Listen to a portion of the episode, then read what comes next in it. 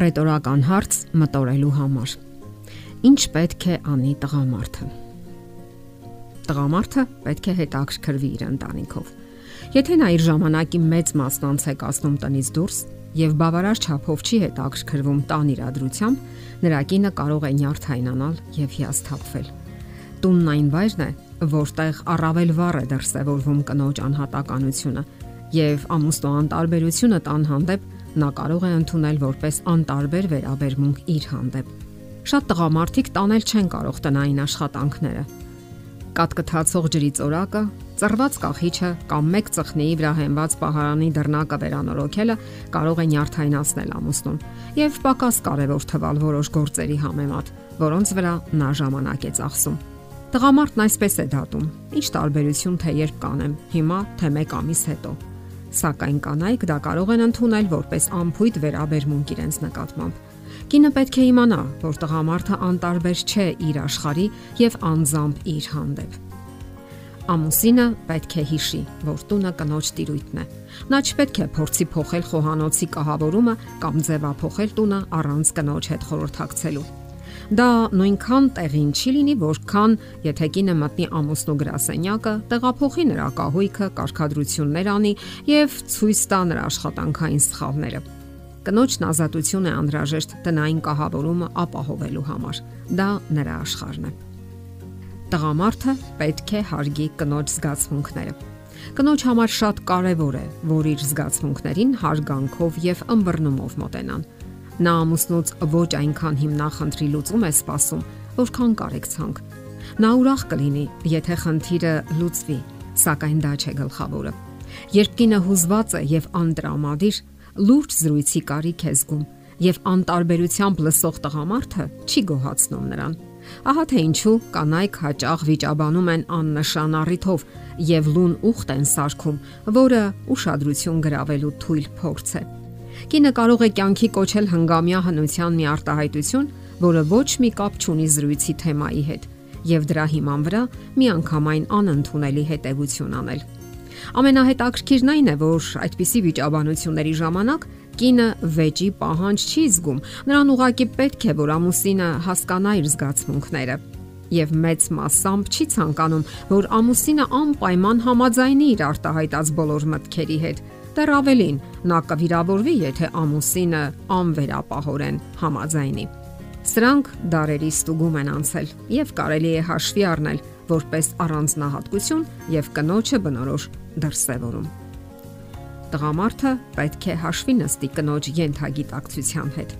Վերլուծության ժամանակ տղամարդը գլխավորապես ապավինում է տրամաբանությանը։ Այնինչ կանայք յուրովի են անցալում երևույթները եւ առաջարկում լուծման իրական տարբերակներ։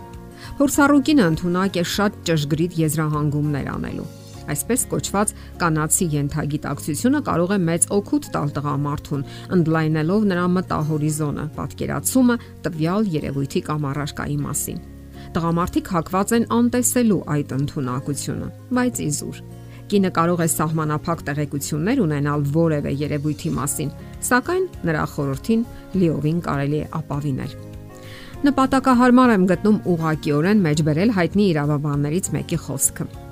Իմ տղամարդ այցելուների կեսը կլուծեր իր հիմնախնդիրները, եթե տանը դրանք քննարկեր կնոջ հետ։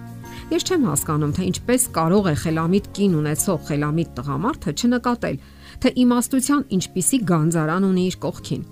Եթե նույնիսկ իր տեսակետը բացարձակապես ճիշտ է, նա հարցին նայում է այնպիսի մոտ տարածությունից, որ ծառերի հետևում չի տեսնում անտառը։ Եթե տղամարդը խորուրդ հարցնի կնոջից, ով նույնիսկ շատ քիչ է տեղյակ գործից,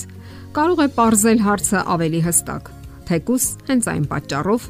որ դատում է անկանխակալ եւ չի խորանում մանրուքների մեջ։ Ինձ դիմող տղամարդիկ օգտվում են հենց այդ ծառայությունից, սակայն ավելի բարձր վճարով։ Իմ դերը կարող էին կատարել նրանց կանայք, քանի որ նրանց հարցերի լուծման համար հաճախ ոչ թե իրավաբանական գիտելիքներ են պետք, այլ ընդհանրապես առողջ դատողություն եւ նորովի մոտեցում տվյալ գործին։ Տղամարդիկ պետք է հաշվի առնեն կանացի տրամադրության տատանումները։ Կանանց հատուկ է տրամադրության արագ փոփոխությունը, որը տղամարդը կարող է ընկալել որպես հուզական անկայունություն։ Սակայն այդ տատանումները հատուկ են կնոջ հուզական բնույթին, միանգամայն տարբերվելով տղամարդկայինից։ Դրանք նաև վահանագեղձում տեղի ունեցող փոփոխությունների արդյունք են։ Կանացի հուզական առանձնահատկություններից մեկը նրա արցունքներն են, որոնք երբեմն ազդում են տղամարդու նյարդերի վրա։ Կինը երբեմն լացում է լուրջ առիթով, երբեմն աննշան, կամ էլ այդպես է թվում առաջին հայացքից։ Արցունքները խոսում են ոչ թե ինքնահսկողության բացակայության, այլ ավելի շուտ նրա զգայուն բնույթի մասին։ Նա կարող է դիմել արցունքներին որպես կൂട്ടակված լարվածությունից լիցքաթափվելու միջոց։ Նման պահերին կանանց մեծ մասը գնահատում է կարեկցանքի նուրբ խոսքերը որպես վկայություն ըմբռնման ու սատարման։ Մի լավ լաց լինելը որպես կանոն յուրատեսակ թերապիա է։ Տղամարդը պետք է հաճախ վերանայի իր կենսական արժեքները